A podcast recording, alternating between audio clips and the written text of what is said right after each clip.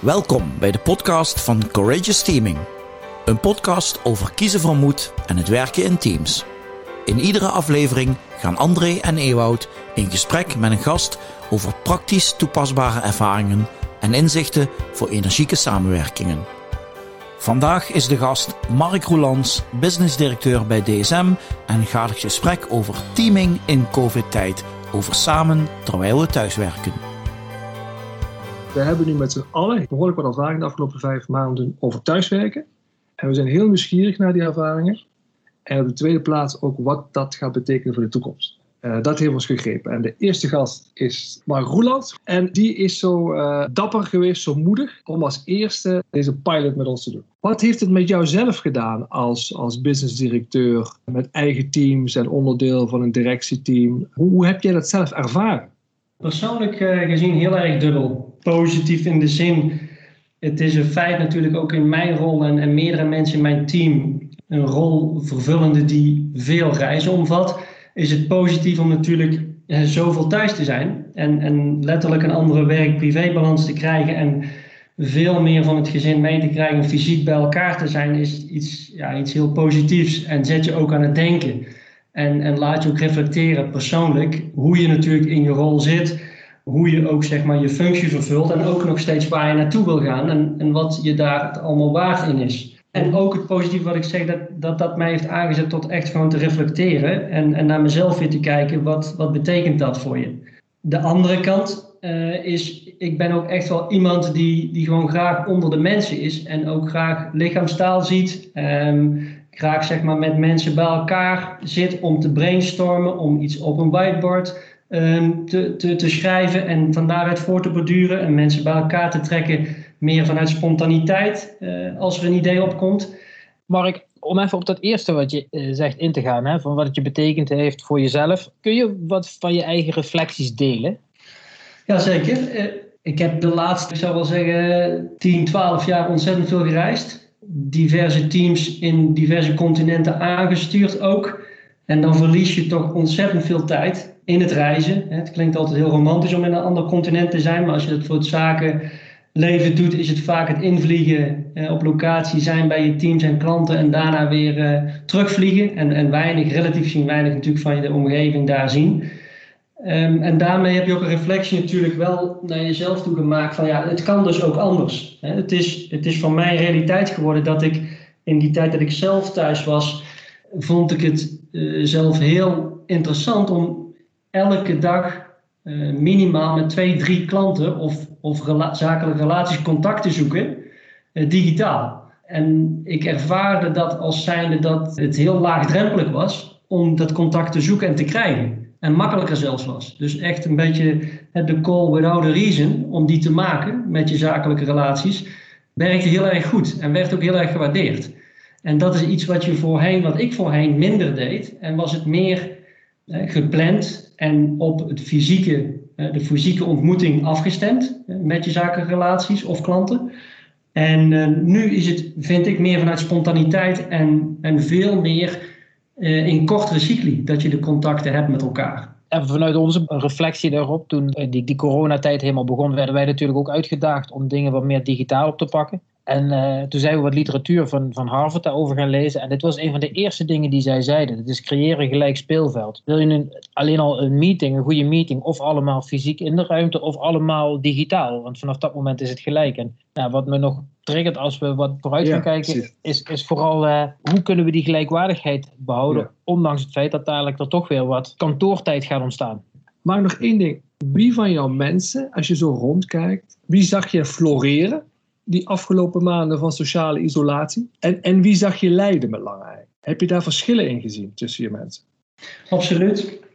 Een van de collega's, of waren twee collega's die, die duidelijk zag floreren, had te maken met wat we daarnet uh, aankaarten. Is dat de, de buitenlandse collega's die het gevoel duidelijk bevestigd kregen dat zij gelijk waren en dat voor iedereen inderdaad dus dat speel wat gelijk was, zag je ook opbloeien, zag je ook meer aanwezig zijn en meer deelnemen en meer input geven. Dus, um, en die personen heb ik ook in het traject en ook in uh, de, de persoonlijke, zeg maar, één op één gesprekjes die we dan wekelijks of twee wekelijks hebben met mijn teamleden, heb ik die input ook uh, teruggekregen en heb, je ook, heb ik ook ervaren bij die personen dat ze ook gewoon langer met meer energie in de wedstrijd zaten, ondanks het lange thuiswerken, dan sommige andere collega's.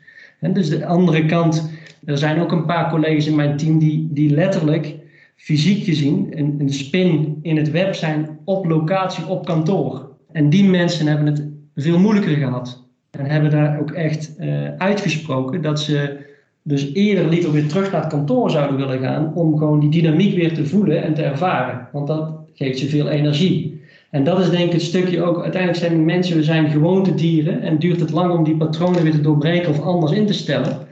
En daar moet je denk ik van bewust zijn. En, en is het een heel, ja, ook weer een heel persoonlijk verhaal van wie heeft wat nodig. En is het lastig om iedereen over één kam te scheren en, en één kant op te gaan. Uh, het is extreem belangrijk, denk ik, zeker in deze tijd heb ik ervaren, om de dialoog uh, met je mensen individueel en ook als team te blijven voeren. En ook letterlijk tijd te besteden om die ruimte te creëren. Dat we ook uh, uitspreken naast inhoudelijk en wat we doen, hoe we het doen. En, en wat in ieders mening daarover is. Mark, dat laatste wat me daar nog bezighoudt. Je, je, weet het van ons, wij proberen vaak te kijken naar wat zijn nou echt menselijke basisbehoeftes en hoe kun je het zo organiseren dat daaraan voldaan wordt hè, in de samenwerking tussen mensen. Een, een, andere basisbehoefte waar wij vaak naar kijken is bijvoorbeeld ook de sociale status die mensen hebben, de positie, de, de rol die ze eigenlijk vervullen in zo'n groep.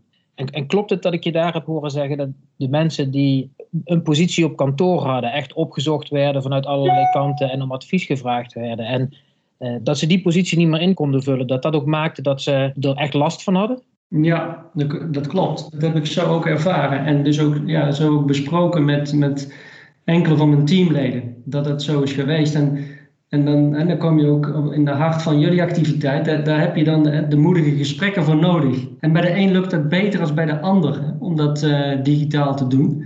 En bij de meesten lukt het minder goed, denk ik. Is in ieder geval mijn ervaring. En, en dat kan dus mogelijk ook aan mijn kant liggen. Maar de meesten lukt het minder goed om zo'n diepgaand digitaal gesprek te hebben uh, dan het, uh, wanneer je het face-to-face hebt, echt fysiek bij elkaar. Mark, waar moet zo'n gesprek dan over gaan? Wat is, wat is voor jou dan de echte diepgang? Ja, de diepgang gaat echt meer over hè, wat, wat het inzicht verkrijgen wat er echt bij de persoon zit en wat er speelt. Hè, waar het mee stoeit. Um, uh, wat hij moeilijk vindt om te doen, of wat hij juist de energie van krijgt, nog, uh, nog steeds, ondanks dat hij al maanden thuis zit. Om dat te begrijpen en om dat uh, uit te spreken. Om, en deels ook, ook om als klankbord te gelden. Want ik denk, en dat is ook mijn ervaring geweest, ik denk dat je het zelf ook niet altijd zo pan klaar voor jezelf hebt, maar door daar op in te gaan, door de dialoog te hebben, door de reflectie en de spiegeling aan te gaan, ben je al meer dan over de helft om dat inzicht te verkrijgen van oké, dus dat is het stuk waar nog steeds heel veel energie in zit voor mij, ook in deze andere omgeving.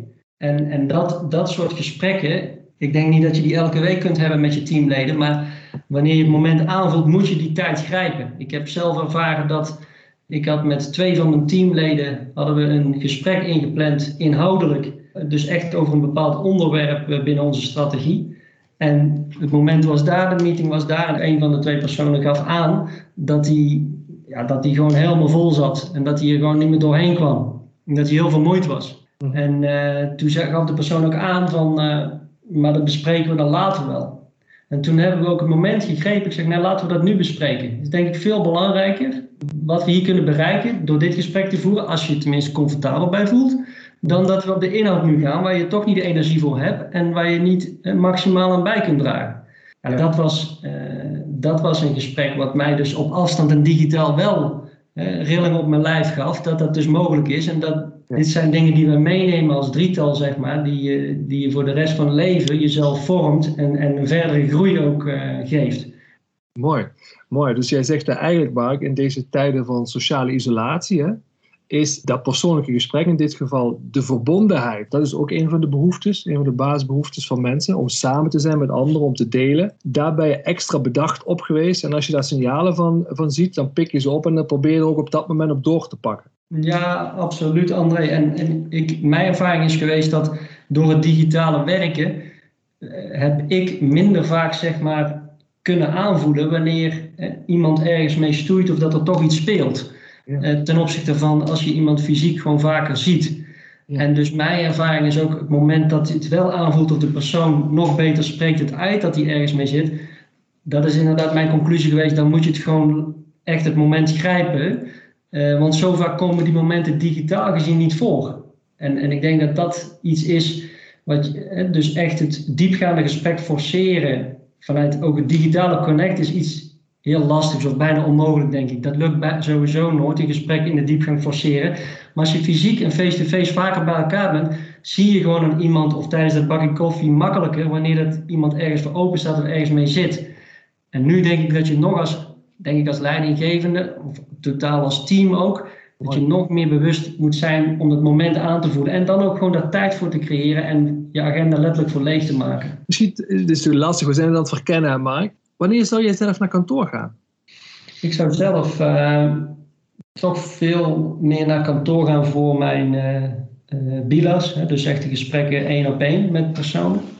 Um, of voor bepaalde carrièregesprekken zou ik graag op kantoor willen zijn. En ik heb ook nog best wel wat coachingstrajecten lopen met medewerkers. En daar vind ik het ook heel effectief en, en ook van meerwaarde om voor op kantoor te zijn. Daarnaast dat praat je meer over manier van werken, hoe je als collega's met elkaar omgaat. Zou ik het ook doen voor projecten die je aftrapt. Uh, of projecten waar je zeg maar een belangrijk reviewmoment hebt. Maar meer uh, de voortgangsmeetings van bepaalde projecten, activiteiten of strategieën. Daar zouden we niet voor naar het kantoor hoeven te komen. En ik ook niet. En ik denk ook voor mezelf, daar wil ik me van bewust zijn, zou ik voor moeten waken dat ik zelf ook niet altijd op kantoor moet zijn. Want anders creëer je ook een bepaalde ongelijkheid. En ik denk dat het goed is dat iedereen uh, eenzelfde soort uh, basis heeft van dat iedereen ook die momenten pakt om van huis uit te werken. Zou je voor die, die meetings die je net noemt, waar je wel voor naar kantoor zou gaan, zou je daar ook weer voor gaan reizen of het reizen stimuleren, zodat je die gesprekken ook fysiek kunt voeren met de mensen die uh, in andere plekken van de wereld wonen of werken? Ja, ja, absoluut. Dat is een heel goed punt. We zijn ook zeker de discussies nu aan het voeren voor precies dat soort besprekingen die ik net aankaart. Dat we wel fysiek bij elkaar kunnen zijn, ook in Europa of op andere locaties. En dat we daar ook de mensen voor een kleine groepjes bij elkaar brengen, omdat we het zo uh, de meerwaarde ook zien bij dat soort meetings. Om echt bij elkaar te zijn en te brainstormen, elkaar uit te dagen en die spontaniteit die daar soms voor nodig is, om die op die manier in ieder geval het beste te kunnen faciliteren. Ik heb nog twee slotvragen. Mark, als er nou één ding is waarvan jij hoopt dat je dat niet meer loslaat, dat je dat echt vasthoudt, wat je de afgelopen tijd ervaren hebt, wat zou dat zijn? Ja, wat ik eigenlijk denk heb aangegeven, het echt aanvoelen, uh, nog beter aanvoelen van het moment uh, dat je moet grijpen om, om je medewerker, je collega eh, ruimte te geven tot het persoonlijke gesprek. En daarmee dan ook de tijd echt vrij te maken, wat voor soort afspraak daar ook naast staat of eigenlijk voor gepland stond. Omdat ik er heb ervaren, maar ik geloof ook heilig in dat dat de groei brengt zeg maar, van je teamleden, van je collega's en ook van jezelf. Uiteindelijk reflecteert het ook op jezelf.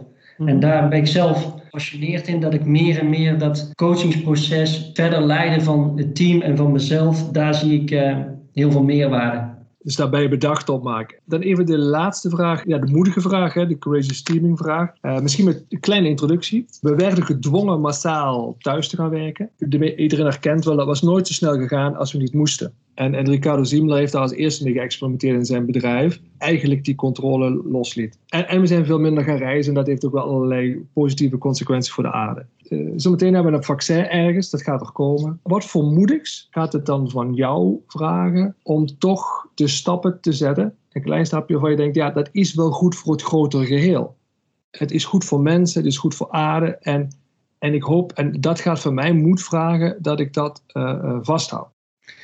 Ja, dat is een mooie, mooie inleiding, uh, André. Want ik, heb, ik schrijf elke maand voor, uh, voor onze organisatie een kort maandelijk schrijven over indicatie van hoe de maand qua resultaat is geweest. Maar ook meer zeg maar, hoe we werken, waar we tegenaan lopen. En, en het bericht van de afgelopen maand, wat ik aangaf, en ook een reflectie op deze tijd van corona, is mijn besef geweest dat er is een cultuursverandering gaande, in ieder geval voor mij en voor ons team en, en wij als organisatie, die zich bouwt op zeg maar, van controle naar vertrouwen. Nog meer van controle naar vertrouwen. Ik denk dat dat hetgene is wat deze tijd, uh, thuiswerken, heel de coronatijd, uh, met zich mee heeft gebracht. En wat eigenlijk iets heel moois is natuurlijk. En dat is iets wat ik natuurlijk graag wil en wat ik ook nastreef en waar ook goede voorbeelden liggen. Maar is ook iets wat ik, als ik naar mezelf kijk, dat ik nog steeds stappen kan maken en wil maken. Uh, om nog meer dat controle ook voor mij los te laten. En te vertrouwen op die persoon.